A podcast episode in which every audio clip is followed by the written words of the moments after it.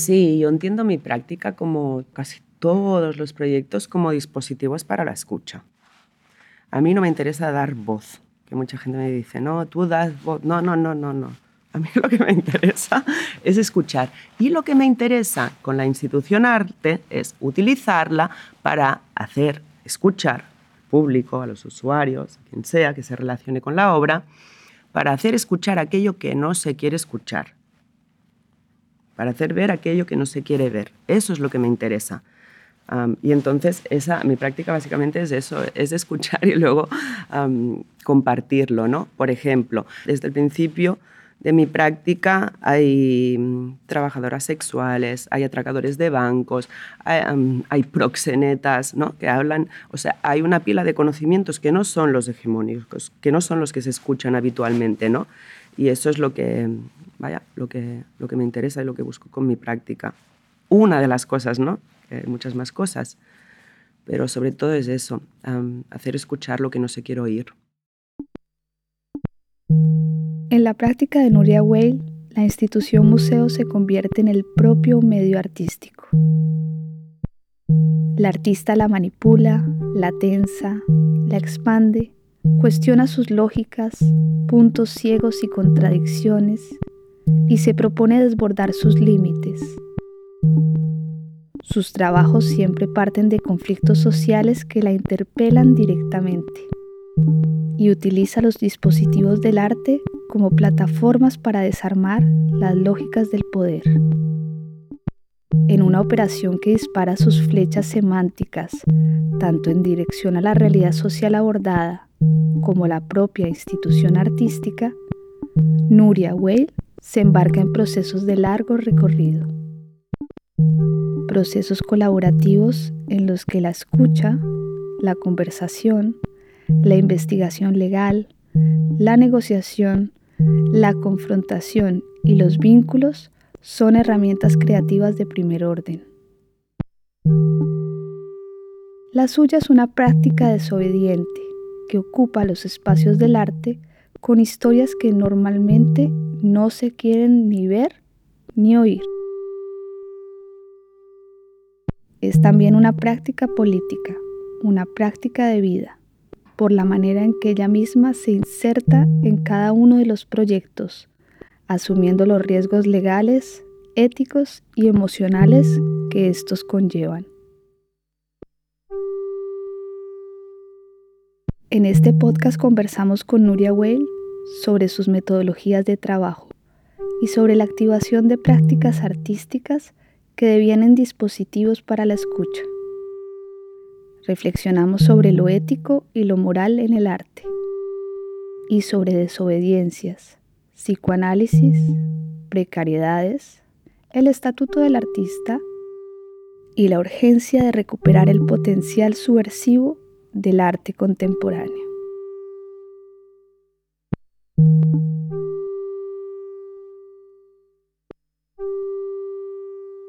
A ver, ahora mismo voy a especular porque no lo tengo muy, muy bien articulado, pero lo que sí que me he dado cuenta es que desde casi el principio de mi práctica, continuamente lo que hacía era no, conformarme con las paredes blancas de los museos. ¿no? Cuando me invitan a exponer, ¿no? dicen, tienes este espacio, ¿no? siempre pedía que la propia institución se implicara o yo poderla usar, eso, yo poderla usar en el proceso de, nada, de creación de mi obra. ¿no? Y a partir de aquí es que empecé a pensar que creo que lo que me interesa y lo que hago es utilizar la propia institución, el propio, el propio dispositivo, como medio artístico. O sea, no es la pintura, no es los materiales, sino entiendo la institución, ¿no? Y como tal, como cualquier medio, se manipula, se fuerza, se intentan um, expander sus límites, en fin, que juegas con el material. ¿no? Pues creo que es lo mismo que yo hago con la institución. Un poco es esta es la lógica. Ahora bien, el por qué, por qué empiezo a pensar pues mi práctica desde aquí. Creo que hay algo de la potencia del arte moderno y, bueno, y el arte contemporáneo que, que está desactivada Ahora creo que cuando valoramos una pieza de arte contemporáneo se valora desde lo moral. Tiene nada que ver lo artístico, desde lo moral. ¿Qué tan víctima o no víctima es quien habla? ¿Qué buenos consejos para vivir todos en diversidad e inclusión da la pieza? Desde ahí se juzga la práctica artística. Y desde mi punto de vista eso no tiene que ver con el arte contemporáneo, ese tiene que ver con producciones culturales, con productos culturales. Entonces, eh, todo este entramado de dispositivos que forma parte de la industria cultural se, se, llena desde este lugar, ¿no? entonces, en tanto que yo tengo la intuición o noto a través de mi experiencia que no hay nada desobediente dentro del arte contemporáneo, que me parece que es el único sentido que puede tener, sobre todo si venimos del arte moderno y el principio del arte contemporáneo, me parece que la única opción que yo encuentro para que sea desobediente es desbordar el propio dispositivo. Y por eso me interesa la institución como medio. Por ahí y te estoy hablando de manera súper intuitiva porque lo he pensado esta mañana el tren, ¿no? ¿De dónde venía? Todo que hace tiempo que pienso que funciona así, ¿de dónde venía? Y creo que esta es una de las causas. La responsabilidad, cuando yo hablo de responsabilidad, entiendo que es la misma responsabilidad que cualquier persona tiene que decidir cómo quiere estar en el mundo y qué es lo que quiere dejar y aportar en cualquier disciplina, ¿no? Y, sin disciplina, con cualquier persona que, que, se, que conviva, ¿no? en lo social, por ahí va lo de responsabilidad. Pero entonces me parece que hay dos éticas mm, que se podría precisar, pero para mm, hacerlo gráfico sería como la ética de las intenciones y la ética de las consecuencias, ¿no? Entonces, la ética de las intenciones, que a mí me parece que tiene más que ver con la moral que con la ética, no hace falta que te hagas responsable de nada, de lo que querías hacer, ¿no? Yo quería hacer tal proyecto y que pasara tal cosa. Al final, lo que pase o no, no importa, porque siempre te quedas en las buenas intenciones. Así es como funciona la política, ¿no? Hacemos las prisiones para, no sé, resocializar o lo que digan que... Pero no importan las consecuencias, no importa el resultado, ¿no? Entonces, cuando yo hablo de responsabilidad, ah, intento hacerme referirme a pensar en la lógica de la ética de las consecuencias, que básicamente es que te tienes que hacer cargo de todo lo que ha pasado, aunque tú no quisieras que eso pasara, pasara ¿no? O aunque no lo tuvieses planeado, ¿no? Y ahora bien, mi responsabilidad también es que eso, que, me parece pertinente que sea pensado, escuchado o dicho en ese momento histórico y contexto específico, porque son las otras dos coordenadas que hacen que algo sea pertinente o no. También tengo la responsabilidad de que sea acorde a mi deseo, porque será la única manera que yo tendré la gasolina para tirar todo lo que viene para adelante en una obra y todas las negociaciones con la institución y asumir riesgos. Entonces, un poco estas son las tres coordenadas que, bueno, que, que me ayudan, que pienso cuando quiero hacerme responsable de, de, lo que digo y la otra, o de lo que hago, de lo que propongo. Porque al final si haces una obra, bueno, estás pidiendo a gente que venga ahí a escuchar eso, ¿no? ¿Por qué? ¿Por qué? ¿Por qué? ¿Qué, qué? ¿Por qué es importante, no? O sea que, no sé, todas estas preguntas sí me las hago. Ahora bien, otra cosa es que yo en, mí, en mis obras sí siempre pienso, bueno, tengo como dos barómetros, ¿no? Antes de tirar un proyecto para adelante, Primero es que mis amigos de toda la vida, punkis del pueblo, que no tienen nada que ver con el mundo del arte, mm, mi abuelo cuando estaba vivo, etc., gente importante para mí, le cuente el proyecto y me diga, métele, que eso está pingado, dale, o sea, que les resuene, sin tener nada que ver con el contexto artístico. Pienso eso y también pienso, ¿qué aporta esta obra a la historia del arte?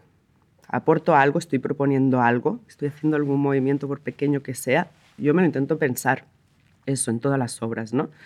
Y si más o menos me parece que cumple los dos requisitos, entonces métele. Las preguntas tienen que ser honestas, si no, tú no te metes en un pantano como los que yo me meto cinco años, en situaciones de riesgo, con vínculos que no sabes, ¿no? O sea que como mínimo tienen que ser bien honestas y creérmelas mucho, ¿no? Tener el deseo, tener el deseo profundo de responder eso, ¿no? Y entonces ahí es cuando tengo la fuerza para meterme. Y nada me es un obstáculo. Pero el deseo ese tiene que estar muy claro, porque si no, pues habría mil motivos para tirar la toalla antes de terminar una obra, ¿no?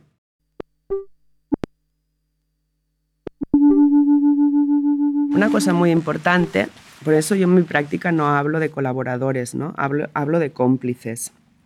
Yo necesito que la persona que trabaje conmigo, que al menos compartamos causa. Le puede no interesar nada al mundo del arte, ni, ni, bueno, no sé, muy, podemos tener muchas cosas que no tenemos en común, o sea, no compartidas, pero al menos causa, causa en la cosa que estamos poniendo sobre la mesa, ¿no? Porque será la única manera que ella y yo tengamos el deseo de que nuestro vínculo siga con el plan que tenemos montado o que podemos variar en cualquier momento, ¿no? Porque nunca sé cómo terminar una obra, ¿no? También depende siempre de la otra, ¿no? O de, los otros. Entonces, eso no, básicamente es como una cuestión de mucha honestidad con todo, de lo que quiero, por qué lo quiero escuchar, porque me parece que es importante, cuánto gano yo para hacer eso, cuánto va a ganar él o ella para hacer eso, o sea, las condiciones materiales también súper claras desde el primer encuentro todo súper claro y ya luego que esa persona decida, pero tiene que ver con una manera de estar, con una manera de, ser y con una confianza que, se genera, ¿no? Con cierta comodidad en, en el estar juntas, creo.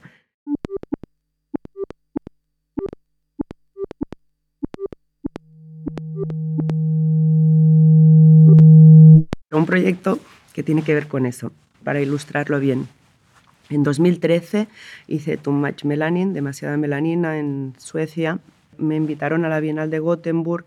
En aquel momento acaban de poner una, una ley que uh, daban un plus económico a los policías por cada detención que hicieran de personas ilegalizadas. Y obviamente pues uh, los policías utilizaban una, una, estrategia de perfil racial ¿no? para, para sumar más puntos y más money. Bueno, yo investigo eso, entonces lo que le propongo a la Bienal de Gothenburg para Too Much Melanin fue contratar a una mujer, María, que venía de Kosovo, que estaba sin papeles en, Suecia, contratarla para jugar al escondite con los visitantes de la Bienal y con los ciudadanos suecos. Le hicimos un contrato de cuatro meses a María y la única regla que cambié es que María siempre era la que se escondía ¿no? Por lo tanto, los suecos y la gente del mundo del arte eran quienes los buscaban y quienes estaban en la posición de poder, ¿no? También podían votar a los políticos para que hubiese una ley de, migración u otra, bueno, un poco reflejando eso. Bueno, cuando hice este proyecto, María llevaba como nueve años viviendo en Suecia, escondida, porque no le habían dado el estilo político. De hecho, la deportaron entre medio de los nueve años a ella, a su marido y a su familia, que eran cuatro, cuatro niños. Vale, hicimos el proyecto y gracias al contrato de trabajo, luego María pudo obtener el permiso de residencia en Suecia. Entonces ya se legalizó su situación, que no la de su familia, ¿no? solo la suya. Bueno, ahí pasan los años ¿no? y, me invitan el año pasado, creo, hace dos años, no sé, 2020 o así, 2021 me invitan a hacer un proyecto en Kosovo. Y yo me acuerdo de María, que era kosovar. Entonces contacté a María y le dije, María, ¿quieres venirte? Porque María ya tenía todos sus papeles legalizados gracias al proyecto que hicimos en el 2013, ¿no? Entonces le dije, María, ¿te vienes de vacaciones conmigo a, a, a Kosovo? Hacer un proyecto que era My, My, Vacations with Lume, porque María era el seudónimo cuando ella no estaba legalizada, pero su nombre real es Lume. Entonces hicimos My Vacations with Lume y fue irnos de vacaciones con, con, el dinero de producción que nos pagaran unas vacaciones por Kosovo, ¿no? Y María era quien me guiaba a mí, me enseñaba todas sus cosas. Y entonces un poco la excusa de esas vacaciones, para mí lo que realmente me interesaba era revisitar ese proyecto que habíamos hecho nueve años o ocho años antes, pues mis fallos, mis puntos ciegos, ¿no? porque creo que mm, son muy delicados ¿no? estos proyectos de... Mm, mm, bueno, no sé, tienen mil, ahora no me sale ningún nombre, pero tienen mil nombres, ¿no? Estos proyectos que trabajas con gente, bueno, participativos, no sé qué, de carácter social, todo eso, ¿no? Que le ponen como que los describen así. Bueno, en fin, que me parecen muy delicados, entonces quería hacer un ejercicio de autocrítica, pero para aprender también, ¿no? Más allá de revisitar también este tipo de prácticas. Y en las vacaciones, pues nos dedicamos a hacer eso. Yo le pregunté muchas cosas y todo eso está grabado también, es una peli. Pero bueno, que en este caso mm, también fue súper interesante porque se vio muy claro cómo había cambiado la posición de, María ¿no? Eh, con estos um, ocho o nueve años desde que obtuvo los papeles gracias al proyecto. Entonces María empezó a trabajar a Suecia, un sueldaco comparado con nosotros. O María está en otra posición que íbamos por Kosovo y me iba invitando ella a mí, ¿no? Entonces me parece súper interesante dejar ver eso también, ¿no? Porque con este proyecto, igual que con el de ayuda humanitaria, mil veces me he tenido que escuchar, no, porque hay un abuso de poder, porque tú María la estabas usando, encima la humillabas porque la hacías esconder, ¿no? Y a los otros no, me podían decir mil cosas, ¿no? con María estaba reproduciendo una realidad, que básicamente es que ella llevaba nueve años escondida, ¿no? No es que eso lo eligiese yo, ¿no? Pero sí quería darle, hacer hacer ver eso que no se ve, ¿no? Por eso lo, lo implementé en la estructura del proyecto. Pero bueno, que eso, ¿no? Como interés, muy interesante cómo había cambiado totalmente la posición de, de María, ¿no? Quiero decir que las posiciones no son fijas y que esta idea de victimizar al otro y ponerlo en una posición de víctima, como si alguien fuese víctima 24 por 24 toda la vida, no, eso es la identificación víctima. Y la identificación víctima es otra cosa, de haber sido víctima de ciertas políticas estatales, de un abuso, de mil cosas, pero eso no te hace víctima per se, como identidad, ¿no? que me parece que hoy se, estira, se estila mucho ¿no? y cotiza mucho tocar a la víctima, acercarte a la víctima, mm, me parece que es muy católico. Y, me pone muy triste ver que muchas veces se reproduce desde nuestro contexto, que nos creemos muy progres, ¿no? Y ahí estamos, hasta los museos lo hacen, ¿no? Una cosa con eso de la víctima o defender a la víctima como, como ciertas posturas de coloniales con Jordanias, ¿no? Cuando Jordania está diciendo, oye, que yo no soy víctima, y Jordania está feliz y contento y los otros lo quieren poner en la posición de víctima. Claro, así lo pueden salvar también, ¿no? O señalar, que señalar a la víctima siempre da poder. Porque muchas veces te dicen, no, a las niñas en el museo, trabajo con los proxenetas o con las trabajadoras sexuales. Y mucha gente es como, estás convirtiendo en objetos, ¿no? Esos sujetos, ¿no? Y de repente siempre pienso, pero para mí, para mí son sujetos y quizás vosotros, los que venís de público, sois los objetos, ¿sabes? Para mí y las niñas, o para mí y los atracadores de los, los, los que robaban obras de arte, que luego hacían de vigilantes de sala, quizás sois vosotros, ¿sabes? Los objetos, los que venís. Y creo que es clave lo que acabas de decir del tema de clase, porque yo conversaciones con trabajadoras sexuales en mi pueblo, pues he tenido y tengo. Y, muchas, bueno, obviamente también con personas, con mujeres abusadas sexualmente, con proxenetas no, pero con traficantes de otras cosas sí. En mi realidad eso está, en mi día a día está, con la gente que decidí, crecí, crecer porque podía seleccionar, ¿no? En mi pueblo habían, pues los que, bueno, diferentes tipos de gente, ¿no? Y con los que yo hice toda mi infancia y adolescencia estaban esos relatos, formaba parte de esa realidad. Y creo que por eso a mí no se me hace raro, um, bueno, pues esto que me parece interesante, que se escuche, um, aliarnos, explicarle por qué me parece potente, que se escuche lo que tienen que decir y que, y que pase, ¿no? Pero bueno, creo que sí, es clave lo de clase en lo de la mirada, porque mucha gente se puede um, permitir el lujo de objetizarlos solo en su cabeza, no solo porque están colaborando en un proyecto artístico.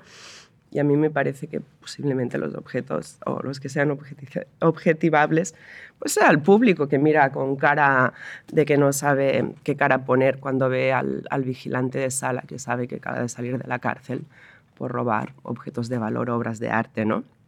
Quiero decir que hay algo de la mirada que está muy relacionado con esta, con esta cuestión de clase y que continuamente juego con ello, ¿no?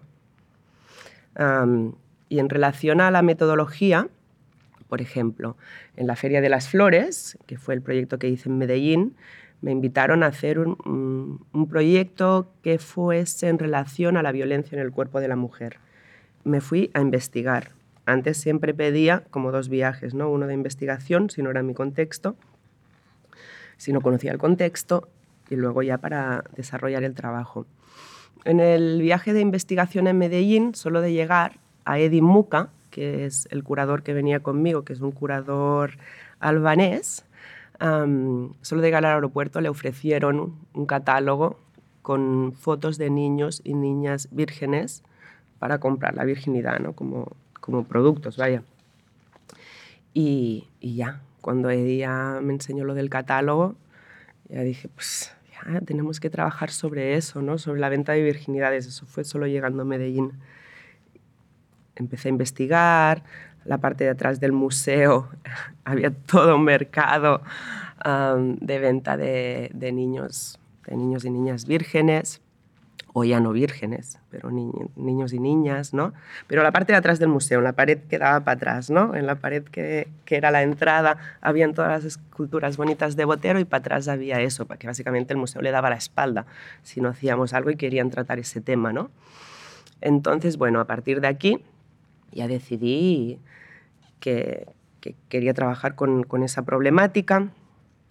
En España pensé la operación como era un museo financiado por Botero y también me interesaba hacer un comentario en relación al arte moderno y su visión patriarcal y su herencia patriarcal también entonces ya pensé la operación, okay, que ellas hagan de guías, ¿no? pero un poco otra vez lo del dispositivo, o sea, de la institución como medio. ¿no?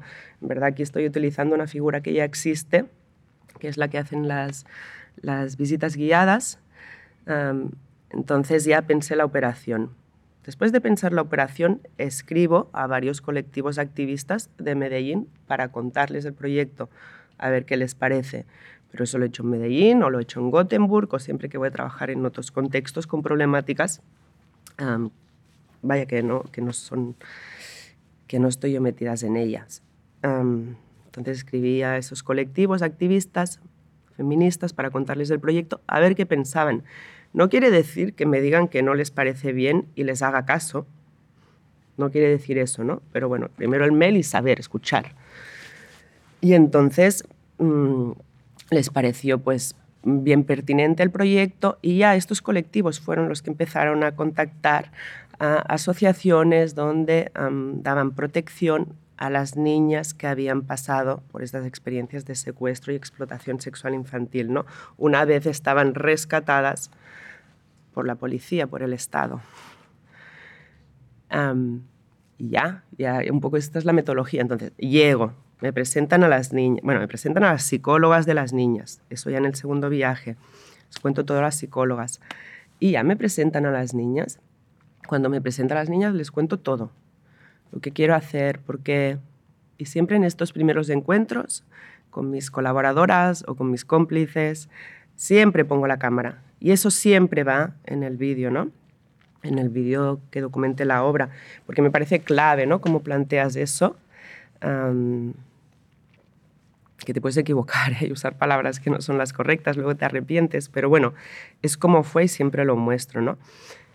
Y a partir de aquí solo me toca asegurarme que las otras deseen decir algo, tengan algo que decir, les sirva para algo, tengan causa para implicarse en mi proyecto. Seguramente su causa será otra, pero que compartamos de alguna manera causa. Y si todos estos pasos se han dado así, ya la cosa luego ya, ya fluye sola.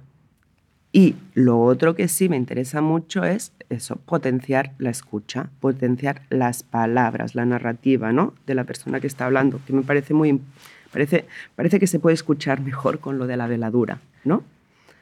Pero no lo pienso tanto en términos estéticos, sino funcionales, ¿no? Que la palabra ocupe el lugar que a mí me interesa darle y luego las cuestiones legales o, o, también de respeto a la persona que está hablando, ¿no? digo, me interesa lo que tú tienes que decir, pero si tú no quieres dar tu identidad, no, no, no la mostramos, ¿no? No es lo importante aquí. Vale, pues no. y también la otra persona se siente mucho más cómoda si yo me he comprometido y puede hablar más libremente. No pienso mucho en la estética, pienso más en, en cuestiones éticas, ¿no? Y entonces yo diría que mi estética, si viene de algún lugar, viene de decisiones éticas, ¿no?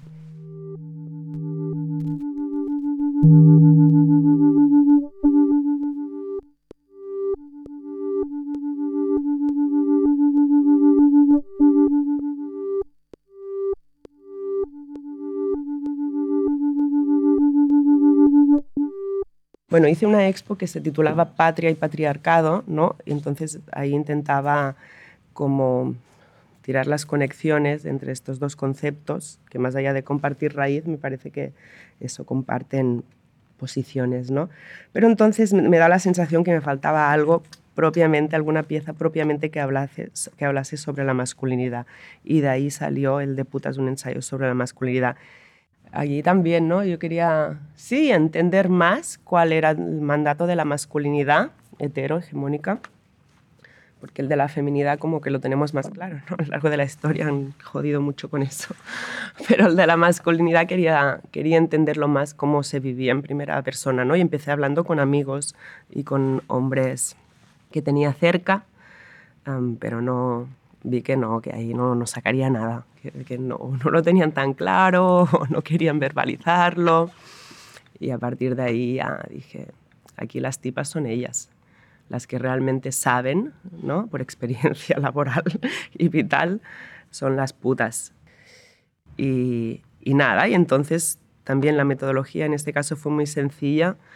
Cogí una página de internet de prostitución en León, que es donde empecé el proyecto porque ahí me lo financió el, el MUSAC, ¿no?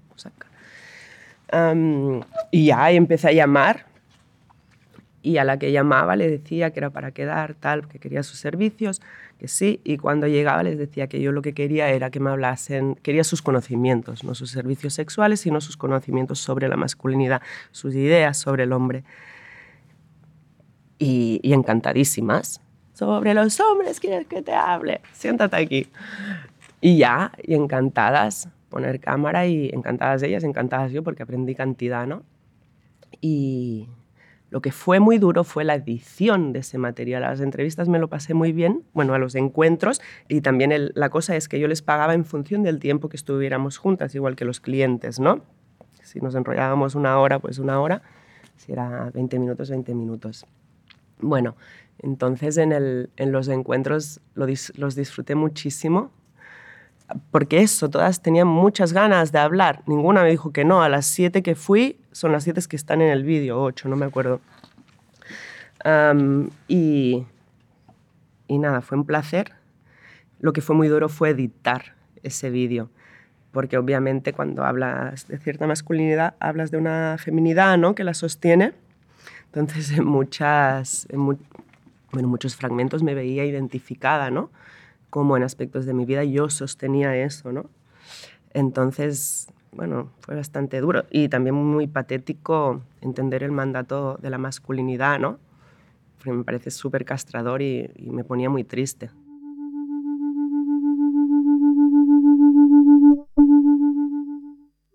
Sí, después cuando me quedé embarazada y cuando, bueno, pues ya, cuando tuve a León, en el día a día tenía, bueno, me, me, topaba con, también, ¿no? Como con mandatos casi de que, de que es una buena madre, ¿no? Y, y, de cómo tenía que ser una buena madre, ¿no? Y de aquí que empecé a pensar sobre la feminidad y que hice ese proyecto que se llama La mamá y la puta, un ensayo sobre la feminidad y que básicamente fue ir a tener conversaciones con diferentes identificaciones de mujer, ¿no? La puta, la madre, mi madre, fui con mi madre también. de hecho, una de las, la prostituta que sale en este vídeo, nos hicimos amigas a partir de, del otro trabajo, del de putas, y aún seguimos en, en contacto. Una monja, una psicoanalista, como varias identificaciones de la figura de la identificación mujer, ¿no? A preguntar que, cuál es la esencia de la feminidad, ¿no? todas ellas se escribían como mujeres, ¿no? Y entonces digo, bueno, pues será que, que saben, ¿no? ¿Qué, implica, ¿no? Porque yo ya no lo tengo muy claro. Y, Y bueno, fue muy interesante porque todas se contradecían, ¿no? Unas con ellas y cada una tenía como su verdad. Pero lo que fue más interesante fue el contraste con el de Putas, un ensayo sobre la masculinidad, que todas las prostitutas venían a decir lo mismo sobre el mandato hegemónico hetero, ¿no? lo que ellas sentían en los clientes. Y en el de la feminidad no hubo manera de poder definir qué era la feminidad. Y creo que esa es la única definición posible, ¿no? que es lo que se escapa, es el no todo, es lo que no se puede decir con palabras. Es, creo que esa es la característica de lo femenino, ¿no? en oposición a, lo masculino. No estoy hablando de hombres y mujeres, ¿eh? de posiciones, ¿no? de posición femenina o de posición masculina. Obviamente todas las tenemos todas, pero hay unas pues más, más, más elevadas que otras, vaya. thank you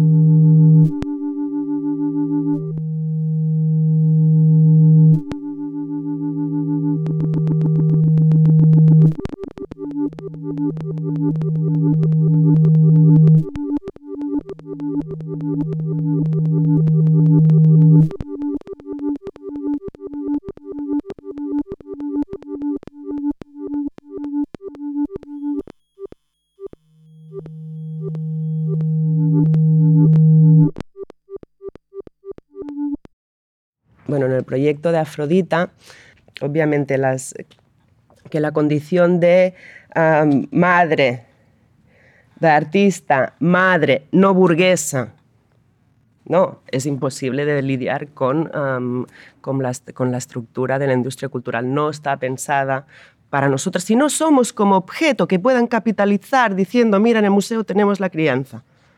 ¿Vale? E, este es mi punto, ¿no? Cuando te digo de que tengo mi problema con toda la cuestión de las curas, pero como capitalización de discurso, que luego no cambia nada en la estructura, ¿no? Y en mis proyectos, en vez de quedarme en eso, lo que he ido es directa a las cuestiones de producción y dónde están los recursos, ¿no?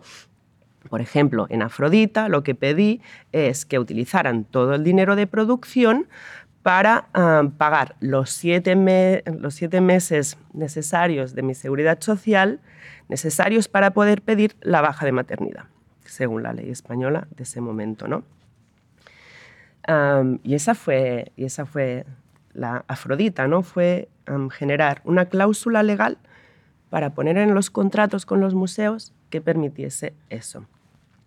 Y eso pasó en Afrodita, aceptaron, me dieron el dinero de producción, pero vaya, casi como un sobre, ¿no? Como un sobre B, ¿no? Me dieron el dinero de producción y me lo gasté en eso y gracias a Afrodita y haber pagado estos siete meses, luego pude tener la baja de maternidad cuando fui madre, pero luego también me llegó una multa entonces, con el museo todo, todo iba bien, estábamos haciendo este proyecto, me dijeron que sí, pero obviamente esa cláusula que yo creé con un abogado, junto a un abogado, quería que se aplicase en mi contrato ¿no? de esa obra. Y el día antes de la inauguración, que mi presentación era una rueda de prensa donde explicaba la cláusula y el proyecto, me dijeron que no, que todo bien, pero que la cláusula no la iban a incluir en el contrato mío para hacer este proyecto. ¿Qué quiere decir eso? Quiere decir que si querían eso, la capitalización, les interesaba el discurso, pero no les interesaba hacer ningún cambio estructural en la institución que pudiera beneficiar a todos los artistas y, mujeres artistas que viniesen después, porque si incluían la cláusula creaban un precedente. Entonces sí les iba muy bien que yo hablase de todo lo que tiene que ver con los cuidados o la posición de la artista mujer, pero no hacer un cambio que realmente tuviese consecuencias en la, mejora de, en la mejor vida de todas nosotras. ¿no? Y ahí es un poco mi cruce con muchos discursos de los cuidados, que me parece que son más estéticos que éticos. Pero yo lo hice público, todo eso en la rueda de prensa, que ellos no habían querido incluir la cláusula en el contrato. ¿Qué pasó? Que a, las dos semanas me llegó un burofax con una denuncia de no sé quién por, la acción de, Afrodita, ¿no? Porque básicamente ahí estaba afirmando que nunca había podido pagar autónomos. y que había trabajado con instituciones públicas. Ahí, de ahí vino la cosa.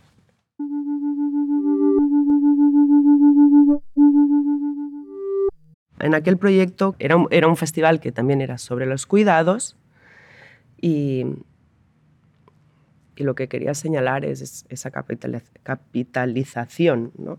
de los cuidados, que lo hice haciéndolo, básicamente lo que es es una foto de yo y León jugando en la piscina, ¿no? Convertí en representación el cuidado y eso es lo que, lo que tenía valor, ¿no? Pero un poco para alertar de que, o sea, de verdad hay que capitalizar el cariño, de verdad eso es lo que queremos pedir, porque hay algo de eso, ¿no? Pero eso que decía, ¿no? Si los cuidados son el bien, no hay riesgo de que el cuidado pase a ser la finalidad y aquello que se cuida se convierta en un mero instrumento para alcanzar ese preciado bien. Hay algo de objetualización también. Cuando algo se convierte en valor, ¡ay! Mm, no sé, me asusto. Como valor en sí mismo, ¿no? De orden simbólico, ¿no? Me preocupa que los museos digan lo mismo que el poder. ¿Desde cuándo el arte contemporáneo dice lo mismo que dicen las instituciones gubernamentales? Y está pasando. Porque este mismo discurso de los cuidados es el discurso del feminismo institucional con matices.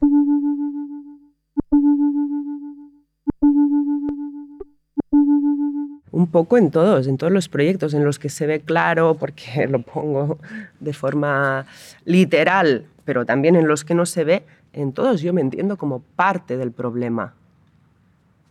Ya. Y desde ahí todas las contradicciones van a poder salir, porque es lo que hablábamos del otro día. Yo no estoy aquí para salvarme, ni para decir, mira cómo es Nuria Well, ni no estoy haciendo para, para aportar al mundo lo que a mí me parece que en aquel momento la pregunta, la pregunta que me parece que es pertinente o que yo necesito compartir, ¿no? Pero, ¿qué, necesito compartir? Eso, contradicciones, preguntas, dudas. Y ahora mismo vas en los museos y encuentras respuestas. Las más transgresoras, pero tú son respuestas, son mandatos. Por eso te digo que es arte moral. Para mí ahora mismo lo que hay, y por eso yo lo relaciono en producciones culturales, porque el arte por lo que hemos estudiado a lo largo de la historia, no tiene que ver con lo moral, ¿no? tiene que ver con la, con la duda, con la pregunta, ¿no? con repensar a dónde estamos y hacia dónde vamos. ¿no? Y obviamente para mí un buen lugar es a partir de mis propias contradicciones.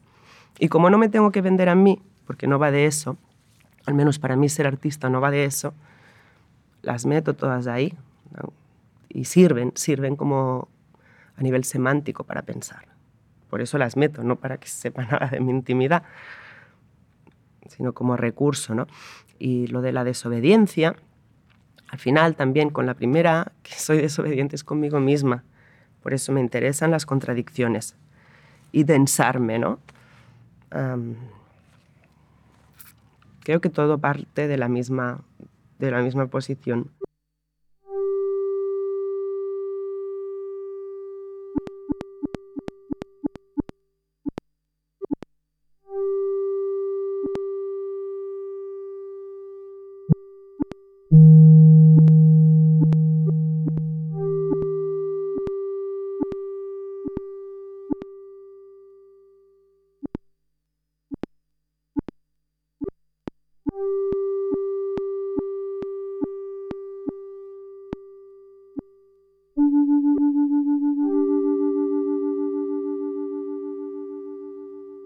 Que yo no entiendo que, ningún proyecto haya fracasado.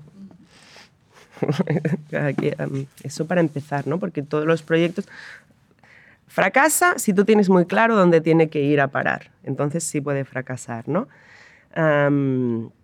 pero eso me pasó en un proyecto, justamente en un proyecto que hice en el MACBA, el de la cooperativa. pero entonces, como todas las transformaciones que sucedieron a mí después de pasar por todo ese proyecto, creo que no podría hablar de ninguna manera de fracaso. De hecho, pagaría para que volviesen a pasar, porque me cambiaron mucho. ¿no? el proyecto, cuando yo lo hice en el MACBA, era en el 2013, se titulaba Blanco sobre Negro, ahí, negro sobre blanco. Y, bueno, básicamente respondía a toda una, una movida, a una lucha popular que había en Poblenou, de mucha gente que estaba viviendo en, unas, en unos solares en Poblenou. Entonces el Ayuntamiento de Barcelona, más los propietarios de los solares, negociaron con esta gente, la mayoría migrantes, indocumentados o ilegalizados, para que dejaran las naves de Poblenou y el Ayuntamiento de Barcelona los regularizaría para que pudiesen trabajar. Eso no pasó y entonces me invitó el MACBA a hacer una pieza para una exposición que se llama La realidad, la realidad invocable. Entonces, em, en aquel momento tenía una, una, una, amiga artista cercana, muy cercana, que estaba muy vinculada con estos colectivos. Entonces me los presentó y fui a hablar pues los que se autodenominaban los líderes ¿no? de, de tota la gent de que eran como más de 300 personas, pero bueno, había sobre todo un personaje que era como el líder, ¿no? Era el líder porque hablaba la mayoría de idiomas africanos, él era africano, senegalés, y entonces era muy fácil que se pudiera relacionar con, con todos. Mi proyecto fue, utilizo el dinero de producción del MACBA para crear una cooperativa que permita subvertir la ley de extranjería a través de contratos de trabajo. Ellos al ayuntamiento le habían pedido una cooperativa, ¿no? Entonces, hicimos una cooperativa. Ah, y aparte dije, el MACBA tiene que ser su primer cliente, ya que la crea que sea su primer cliente. Y el MACBA empezó a contratarlos para el guardarropía, visitas guiadas, pero que nunca pasaron, para los caterings, los caterings, los openings, pero también caterings privados que, que se alquilaban, no sé, que alquilaban salas de aquí y venían ellos a trabajar, las de, los de la cooperativa Caláfrica.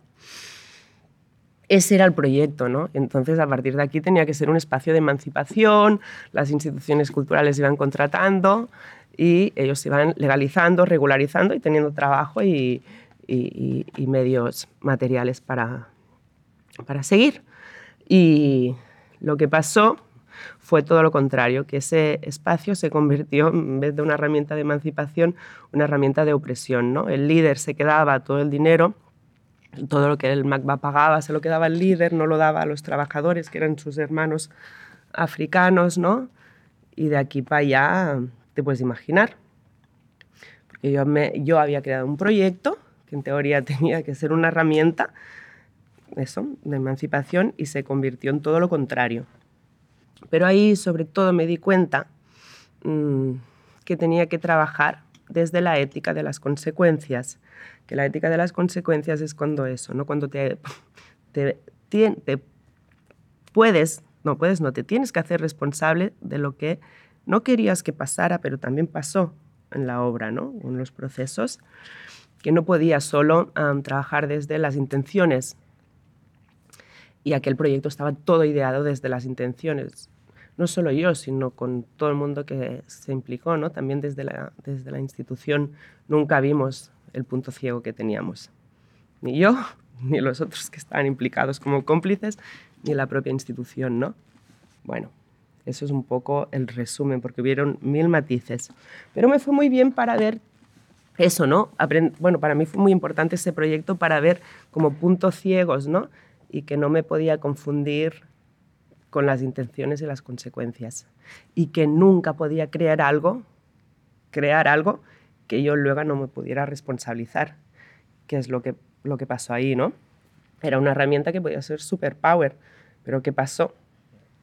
Yo no estaba en nada del consejo rector de esa cooperativa, porque entendía que ellos no, hacía falta que nadie los tuto, tutorizara, ¿no? Y así lo pidieron ellos. Pero bueno, entonces no me podía hacer responsable de nada de lo que yo había creado. Y se convirtió en una herramienta de opresión. Que al final todo eso dio la vuelta, ¿no? Pero eso ya es otro tema. Dio la vuelta, quiero decir que el que se tuvo que ir oprimido y excluido era el líder charlatán. Que era el traductor traidor. Eso también aprendí nunca más nunca más trabajes con nadie que se autoproclame líder. Y menos si, si hace de traductor. Porque entonces yo decía una cosa pero traducía otra. Y así era continuamente. Allí tampoco me podía responsabilizar yo de esas reuniones. Pero trabajando desde las intenciones, bueno, pues por supuesto, este está legitimado por toda la comunidad española y de activistas catalanes, porque no estaba legitimado por su comunidad, estaba legitimado por nosotras, por otras artistas antes que yo, por otros antropólogos y sociólogos. Entonces sí era el líder porque era el que salía en todas las fotos, pero ¿quién hizo líder a él? Nosotras, no su comunidad, ¿no? Entonces todo era un decalage de intenciones, pero que no, nadie se hacía responsable de las consecuencias. Entonces eso para mí fue clave, ¿no? Para toda la producción que vino después de, esa, de esa experiencia traumática.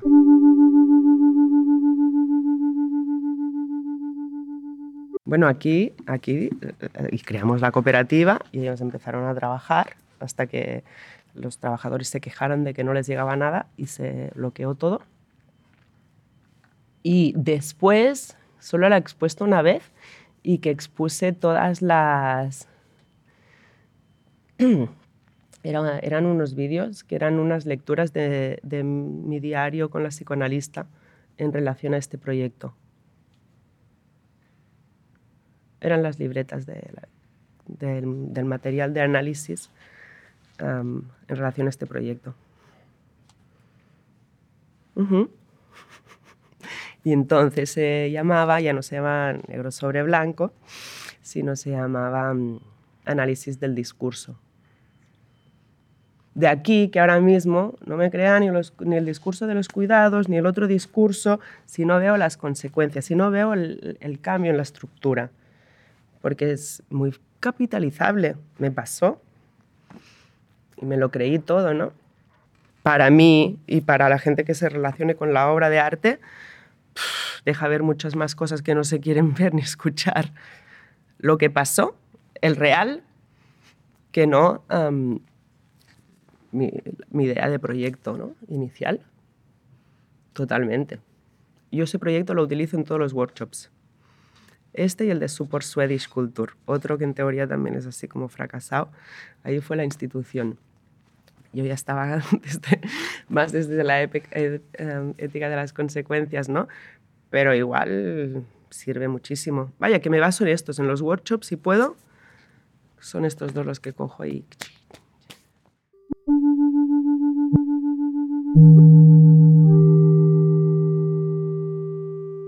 Sí, mucho. Llevo muchos años de análisis, de hecho también creo que puedo hacer estos proyectos porque no dejo de ir a análisis, ¿no? que de hecho trabajo con los proyectos. No, yo no he contado un sueño, bueno, uno, lo único, para no mentir, un sueño a mi psicoanalista, uno. Siempre trabajamos solo a partir de las obras, ¿no? Y no sé, llevo nueve, diez, once años, desde el 2008, desde que llegué a Cuba y no entendía nada. desde el 2008. Y Sí, me cuadra por eso, por, el apego al real también, ¿no? Que tiene cierto psicoanálisis, que tampoco, bueno, que puede entender y convivir con las contradicciones, con todo aquello, lo más complicado de la condición humana, sin tener que cancelarla o este tipo de cosas que sí se hacen en otros lugares que quieren ser más puros, ¿no?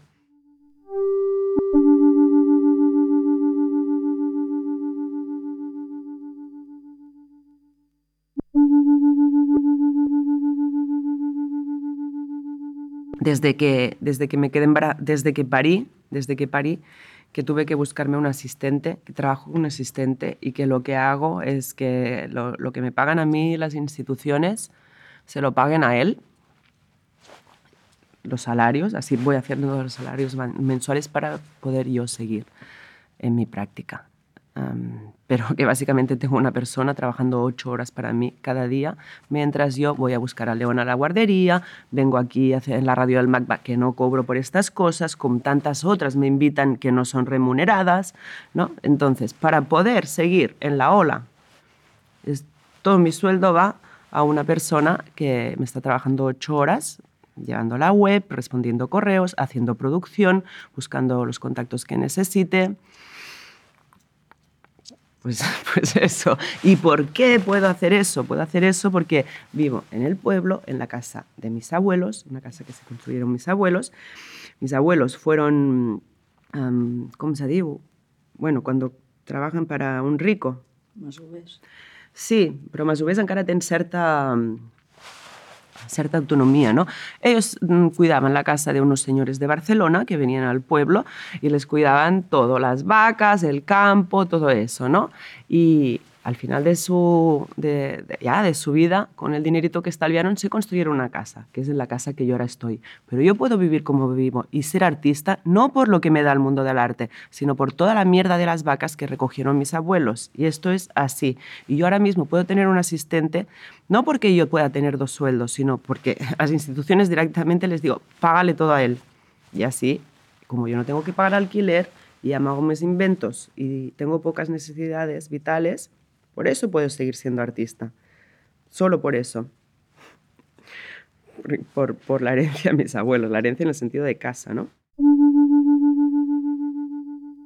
Sí, no sé, eso, eso es un debate largo, ¿no? Pero a mí me parece eso, con toda la cuestión de la, de, de la estatud del artista, a mí lo que me parece es que lo que tendríamos eso que primero de todo es entender bien qué, es un artista, ¿no? Porque tiene que cobrar. Y yo creo que el artista profesional, profesional, el artista profesional es el que se dedica a corresponder a las demandas de la institución cultural.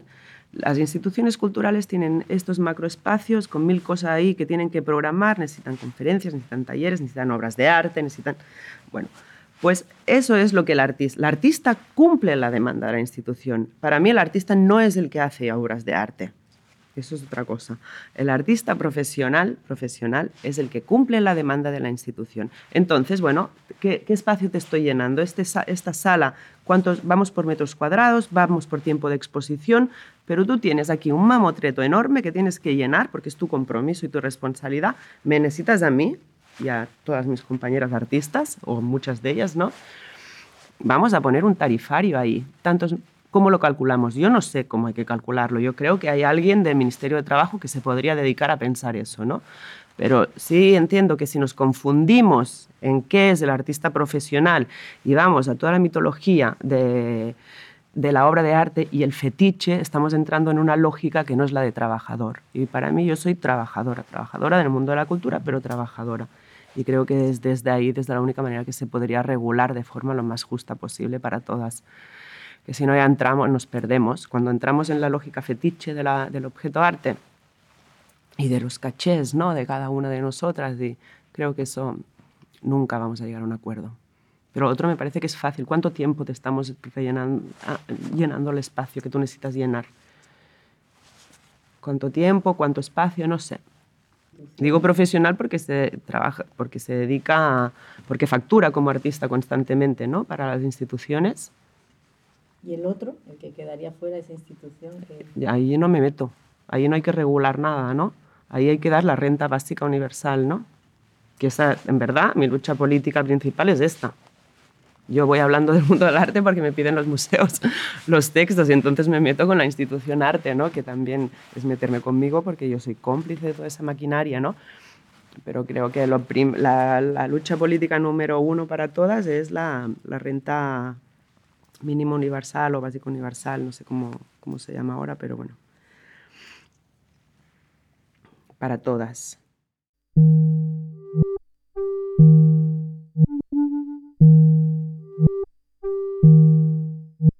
Por mi manera de trabajar, yo sí necesito la, la, institución. Podría pensar otras maneras, pero lo que quiero diferenciar es, una cosa es tu práctica artística y tu intimidad con el arte, que para mí eso afecta a todas las esferas, por eso con la psicoanalista hablo de eso, todas las esferas de mi vida, ¿no?